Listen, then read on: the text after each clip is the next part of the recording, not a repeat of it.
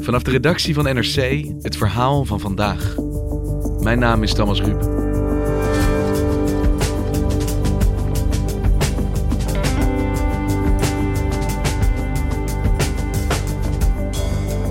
Inlichtingendiensten in Nederland zijn druk bezig met het werven van informanten onder klimaatactivisten. Ze sturen brieven, brengen onverwachte bezoekjes aan huis en spreken af in hotelkamers. Maar met welk doel? Binnenlandredacteur Kees Versteeg dook in de wereld van de recrutering.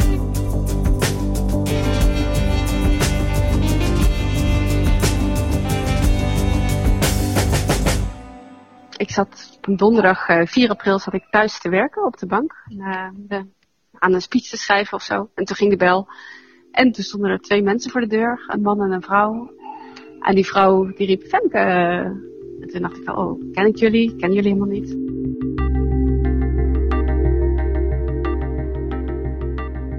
Toen, uh, toen zei ze van, ja, we zijn van de politie en we willen graag even met je praten. En ze haalde half haar identificatie uit haar jasje en de man helemaal niet.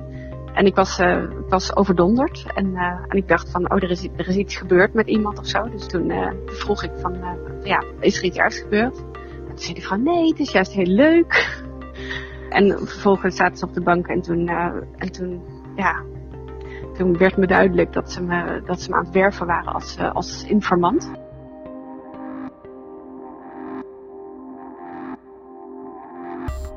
Een maand geleden ongeveer kreeg de opinieredactie van onze krant eh, kreeg een, uh, een open brief van een aantal uh, mensen die actief zijn voor allerlei klimaatclubs.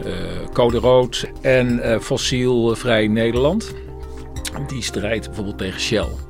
En deze mensen die zeiden dat zij benaderd waren door de AIVD om informant te worden over de klimaatbeweging. En uh, ze werden lastiggevallen met allerlei bezoekjes aan de deur, met brieven, met telefoontjes en sms'jes en dergelijke. En daar wilden ze vanaf. En hadden ze dus een open brief uh, over gestuurd. Want had jij eerder gehoord dat de inlichtingendiensten misschien bezig zouden zijn met het infiltreren van juist die clubs? Nee, ik was er eigenlijk nooit mee bezig geweest. Ik kende die clubs wel, maar de combinatie van klimaatclubs en IVD die was voor mij volstrekt nieuw. Dus het, is, dus het, het, het, het, het, prikkelde mijn nieuwsgierigheid eigenlijk op twee verschillende manieren. Het, uh, ik dacht, ik krijg een leuk inkijkje in het werk van IVD. En het roept heel veel vragen op. Ja, want ze wilden dat ik regelmatig met ze zou afspreken. En, uh, en dat kon dan zijn op een plek waar ik me thuis voelde. Zoals een bankje op een park, in een park. En ik zat echt met mijn oren flapperen. Omdat ik dacht ja, hoe... hoe ja, gewoon te cliché voor woorden eigenlijk.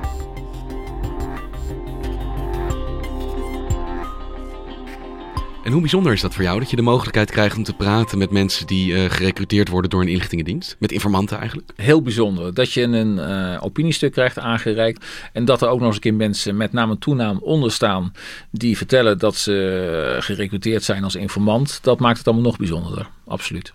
Want op welke manier gaat de AIVD of andere inlichtingendiensten normaal om met informanten? Waarom gebruiken ze die? Ze willen de bedreigingen voor de openbare orde willen ze in een heel vroeg stadium identificeren. Of voor de staatsveiligheid. Bekendste voorbeeld zijn jihadisten die misschien aanslagen willen plegen. Of uh, ze hebben bijvoorbeeld ook een tijd lang uh, hebben ze werk gemaakt van het volgen van dierenactivisten. Nou, dan kom je natuurlijk al een beetje dichterbij bij dit soort milieuclubs. Extinction Rebellion, bekend van een demonstratie vorige week nog in de Tweede Kamer. Beste Kamerleden, wij zijn Extinction Rebellion. Wij komen in opstand singing climate justice now. We hebben nog 12 jaar om de crisis af te wenden.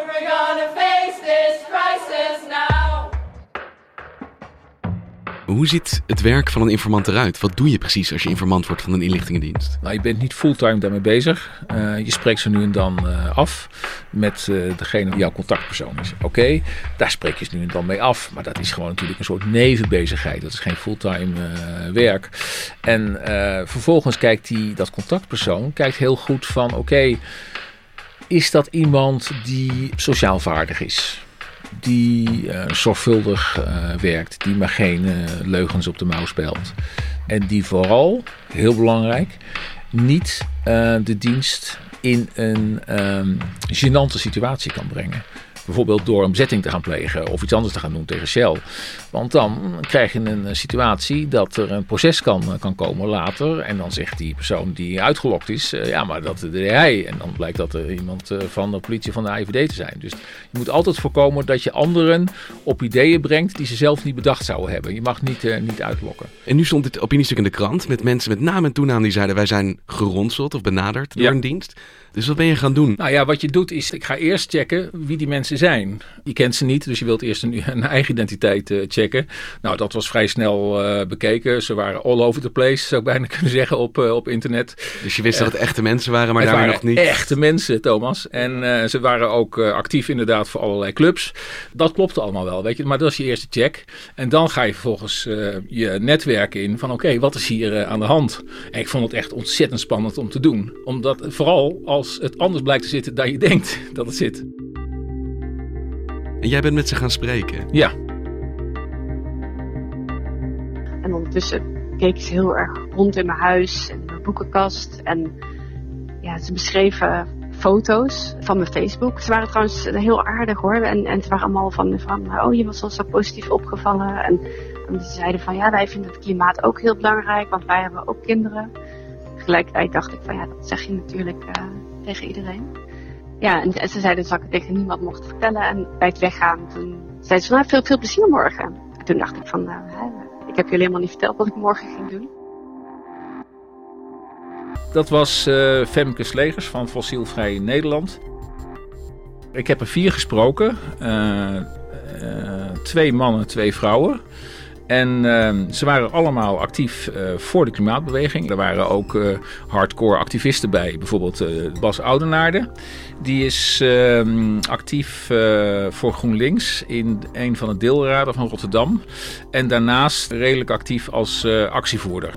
En ehm, hij, toen ik hem sprak, heel grappig, was hij net bezig om een, een boomhutcursus te geven in Bos Amelisweert langs de A27. Ja, ik sta namelijk in de Amelisweert bij een klim cursus voor als de snelweg hier gebouwd gaat worden en de bomen omgehakt gaan worden, dat ik dan in een boom kan zitten. Ja. 20 ehm, maart, als ik het goed heb, kreeg ik een brief thuisgestuurd. Het was een heel kort paragraafje, er stond eigenlijk niet zoveel in, behalve dat ze graag een vertrouwelijk gesprek met me wilden hebben. Geachte heer Oudenaarde, dat is geschreven aan meneer Bas Oudenaarde. Ik zou graag met u in contact willen komen voor een vertrouwelijk gesprek. Ik denk dat u ons zou kunnen helpen om inzicht te krijgen in bepaalde zaken. Ik wil dat graag mondeling toelichten. Nou, zo gaat het dan nog even verder. Maar dat zijn natuurlijk wel heel intrigerende zinnetjes. Twee weken later exact zat ik in mijn voortuin een bakje muesli te eten in de zon. En toen liepen er twee mensen langs. Maar tien seconden later kwamen ze terug het straatje in en keken ze om me heg heen en zeiden ze... Ah, Bas, we moeten jou hebben. Uh, we zijn hier voor die brief die we twee weken geleden gestuurd hebben. En daar heb je nog niet op gereageerd, dus daar willen we graag een antwoord op nu. Ja, nadat het voor mij duidelijk was wat hun vraag was, namelijk of ik een kopje koffie met hun wilde drinken, ja, om over de klimaatbeweging te praten, heb ik gezegd dat ik daar geen zin in had. Oké, dus je had inmiddels vier mensen gesproken die jou vertelden: uh, wij zijn klimaatactivisten en wij zijn benaderd om informanten te worden. Um, en wie was dat? Wie waren dat nou die hem benaderden? Ben je daarachter gekomen? Nou ja, ik, kreeg, ik had inderdaad een soort, ik, ik had een soort wow-moment van ja, um, de activisten die benaderd waren, die dachten zelf dat het de IVD was. Maar ik kreeg steeds meer het idee dat het een andere dienst was die ik niet kende, die erachter zat. En dat was een politie-inlichtingendienst. En ja, dat was, gaf wat een soort opgewonden gevoel van: hé, hey, je bent iets op het uh, spoor. Er waren eigenlijk uh, ja, drie aanwijzingen waardoor ik dacht: van het is niet de AIVD, maar het is de politie. In de eerste plaats omdat al die mensen eh, tegen mij zeiden dat ze van de politie waren en dat ze de burgemeester adviseerden over openbare orde. Dus wat ze zelf uh, vertelden. Dus uh, eh, IVD'ers doen zich doorgaans niet voor als politieagenten? Nou ja, dat zou best kunnen. Maar in ieder geval, ik heb dus nog wat andere aanwijzingen. in ieder geval, dit, wat, dat was het eerste. Het tweede was de brief die Bas Oudenaarde kreeg van de politie Rotterdam. En het derde was een bevestiging van binnen een politiekorps zelf dat het inderdaad een politie-inlichtingendienst was die daarmee aan het werk was gegaan. En dat is de DRIO. De DRIO staat voor Dienst Regionale Informatie organisatie. Nou, iedereen kent de AIVD. Maar dit was natuurlijk heel iets eh, nieuws. Ook voor mij. Ik had nog nooit van die dienst gehoord. Terwijl je al jaren schrijft over dit onderwerp. Ja, en ik wist wel dat de politie ook zelfstandige inlichtingen uh, verzamelde. Maar ik dacht dat ze dat vooral deed in samenspraak met de regionale en plaatselijke afdelingen van de AIVD. Maar uh, dat er zo'n clubje was, uh, dat was voor mij totaal nieuw. Dus het was de trio die in deze gevallen deze klimaatactivist had benaderd? Ja. Maar wil dat ook zeggen dat de AIVD er dan niet mee bezig is om die milieubeweging te infiltreren? Zeker. Zeker. Maar die is bijvoorbeeld aan het kijken in hoeverre bepaalde staatsbelangen uh, worden geschaad. Uh, de AIVD is geïnteresseerd in groepen die uh, vitale belangen van de Nederlandse staat bedreigen. En ben je ook met mensen in contact getreden die door de AIVD benaderd zijn? Ja, in ieder geval iemand die zei dat ze door de AIVD benaderd was. Dat was Aline Ploeg. En Aline Ploeg werd in 2011 benaderd door de AIVD. Daar stond eigenlijk opeens een dame op de stoep. Die zich voorstelde als René en uh, zei dat ze van de AIVD was en of ze mocht binnenkomen. Dan hoor je AIVD en dan denk je oei. En toen heb ik haar naar binnen gelaten. We hebben een aantal uren met elkaar gesproken. En uh, toen wilden zij vervolgens een tweede keer afspreken. En ik moet eerlijk zeggen dat ik, dat ik daar geen nee tegen durfde te zeggen. Ik weet niet zo goed waarom niet. Maar ze wilden mij uh, zien in een, uh, in een hotel in Maastricht. Oké, nou, uh, Alina gaat naar het hotel, wacht op haar AIVD-contact. Uh, en uh, ziet dan ehm, een paar stoelen verder een man zitten die haar steeds in de gaten houdt. Dat was gewoon heel erg duidelijk, zeg maar. Een man met een microfoontje aan zijn kraag waarin hij sprak. Nou, op een gegeven moment kreeg ik het bericht van uh, je kunt naar die en die kamer toe gaan. Dus ook dat heb ik, uh, heb ik gedaan. En uh, toen heb ik wel meteen gevraagd aan die René, die daar dus was, die dame, van goh, die meneer in de lobby. En zij zei toen, nou, ik weet helemaal van niks. er zijn geen collega's van mij hier. Toen ze eenmaal in die kamer zat, toen had René een laptop opgesteld met een camera ernaast. En die camera was op Alina gericht. Toen heeft zij mij de vraag gesteld of ik om het zo maar te zeggen, mijn collega dierenvrienden waarvan ik uh, zou weten dat ze uh, illegale dingen doen, of die dan ja, daarmee eigenlijk willen verlinken, zeg maar, dat in de gaten willen houden.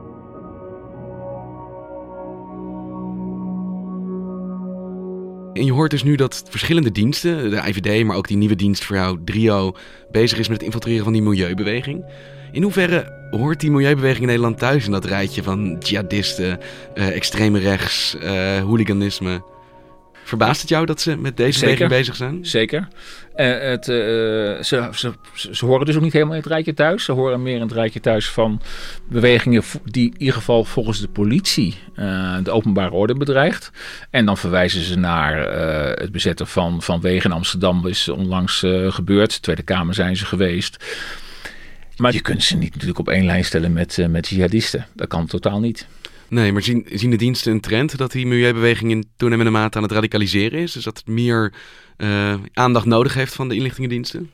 Ik uh, heb in ieder geval minstens één dreigingsanalyse van de NCTV, dat is de terrorismebestrijder, heb ik een verwijzing kunnen vinden naar klimaatactivisten. En met name Code Rood, uh, die bezig waren geweest in Groningen, uh, ook tegen de Gasunie, om uh, te proberen activiteiten stil te leggen. En daarin kon je lezen dat zij een vrees hadden voor radicalisering, zoals jij dat, dat zegt.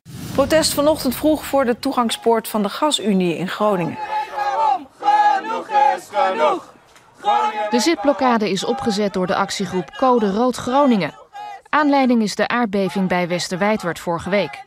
De actievoerders willen een boodschap geven aan de Gasunie. Zij zorgen wel voor doorvoering van het gas, voor de distributie ervan. En eigenlijk om een symbolische statement te maken, zullen wij vandaag en misschien wel langer uh, ja, het gebouw blokkeren. Nou, ze hebben in ieder geval de interesse gewekt dus. Ja, van de diensten. sowieso. Ja, ja. Wat ik me dan afvraag is, waarom zou je als klimaatactivist of als wie dan ook ooit meewerken met zo'n dienst? Dat heb ik me ook ontzettend afgevraagd, inderdaad. Dat doen ze ook niet. Nogmaals, degenen die zich gemeld hebben bij ons, die doen dat niet. Er kunnen, er, er kunnen natuurlijk best activisten zijn die benaderd zijn op dezelfde manier en die wel meewerken. Dat weten we niet. Dus dat ik dit ga alleen- er eigenlijk vanuit dat dat, dat, dat eh, wel eh, gebeurt. Dat er ook eh, mensen zijn die wel meewerken. Maar dat was, ik, ik vond het een heel intrigerende vraag inderdaad. Waarom zouden mensen meewerken? En dat is een algemenere vraag die ik aan mensen heb gesteld. Die daarvoor doorgeleerd hebben, zou ik maar zeggen. En wat je dan hoort is dat mensen soms meewerken. Of omdat ze lichtjes of wat zwaarder onder druk gezet worden met iets. Of omdat ze zelf ook twijfels hebben over de manier waarop de klimaatbeweging zich ontwikkelt. Dit waren allemaal eh, redelijk mainstream eh, activisten. Die mensen kunnen op een gegeven moment twijfels krijgen over: hey, misschien gaat het wel te ver nu. Misschien zijn we wel te veel bezig om bepaalde grenzen te overschrijden. Eh, wordt het te hard? Worden te veel mensen gearresteerd? Of eh, worden mensen bang, kan ook. Maar in ieder geval dat ze dus dat, dat, dat ze twijfels hebben over de koers van de beweging. En dat die twijfels worden dan aangeblazen in zo'n gesprek. eh, wat zo'n politieagent dan eh, heeft. Toen ik duidelijk maakte dat ik geen zin had in een gesprek, vroeg die vrouwelijke agent nog waarom wil je niet met ons in gesprek? Want als democratisch verkozen volksvertegenwoordiger moet je toch wel dingen op een democratische manier doen. En dat betekent ook praten met de politie, toch? En dat als laatste zin, dat is toch eigenlijk wel een impliciet dreigement naar... Zou jij in de toekomst je werk wel goed kunnen doen omdat je niet met ons gepraat hebt? Die moeten toch balen als een stekker dat dan nu gewoon in de krant staat dat ze bezig zijn met het infiltreren van die eh, beweging. Nou, dat vraag ik me af eigenlijk. Eh, aan de ene kant zou je dat zeggen, natuurlijk. eh, dat ligt eh, van dat te denken. Aan de andere kant ehm, eh, heeft het feit dat ze dit doen, heeft, heb ik ook op social media gezien, heeft heel veel goedkeurende reacties ontlokt. In de zin van goed dat de politie zich daarmee bezighoudt, want dat is inderdaad een dreigend gevaar. Dus je zou het ook als een, als, een, als een, een reclame voor de politie kunnen lezen. Niet zozeer waar het gaat om techniek van het binnenhalen van informatie, maar meer wat betreft storen van het intimideren van klimaatactivisten. Dat, eh, dat vonden sommige mensen op social media prima. Omdat het laat zien, dit heeft dus interesse van de politie en misschien ook die kli- klimaatbeweging voorzichtiger maakt. Exact. Intimideert, paranoia vergroot, eh, voorzichtigheid misschien eh, vergroot. En een week later, toen, toen werd ik gebeld door- door het nummer wat ze me hadden gegeven. En toen nam ik niet op. En, eh, en de dag daarna werd ik gebeld door een ander 06-nummer wat ik niet kende, dus wat ik wel opnam. En dat was die, eh, dat was die man weer. Die zei van, van, van eh, ja, je hebt nu met ons te maken, en, eh, maar er zijn nog minder lieve partijen en er kunnen erge dingen gebeuren. En, en ja, wij zijn één afdeling, maar er zijn ook hele andere afdelingen. En ja, daarna, toen voelde ik me echt ja, ja, veel ongeruster nog. En ik dacht ja, blijkbaar houden ze niet op. En denk je dat dat een doel kan zijn? Dat er misschien altijd een soort onderliggende motief was om dit naar buiten te laten komen, om, de die, om die beweging te laten zien, kijk, we zitten achter jullie aan? Zeker. Het heeft eh, denk ik absoluut een eh, effect. Ik heb van, eh, van iemand gehoord eh, dat de paranoia in zijn eigen kring is vergroot. Ik heb van mensen gehoord dat ze zich toch wel geïntimideerd voelen. Waardoor ze misschien toch nog eens een keer twee keer gaan nadenken voordat ze weer een actie tegen Shell gaan, gaan organiseren. Dus er zijn tal van effecten mogelijk. Dus het is misschien nooit het doel geweest om deze vier prominente activisten echt als informant te winnen. Ja, dat zou goed kunnen. Dankjewel, Kees. Alsjeblieft.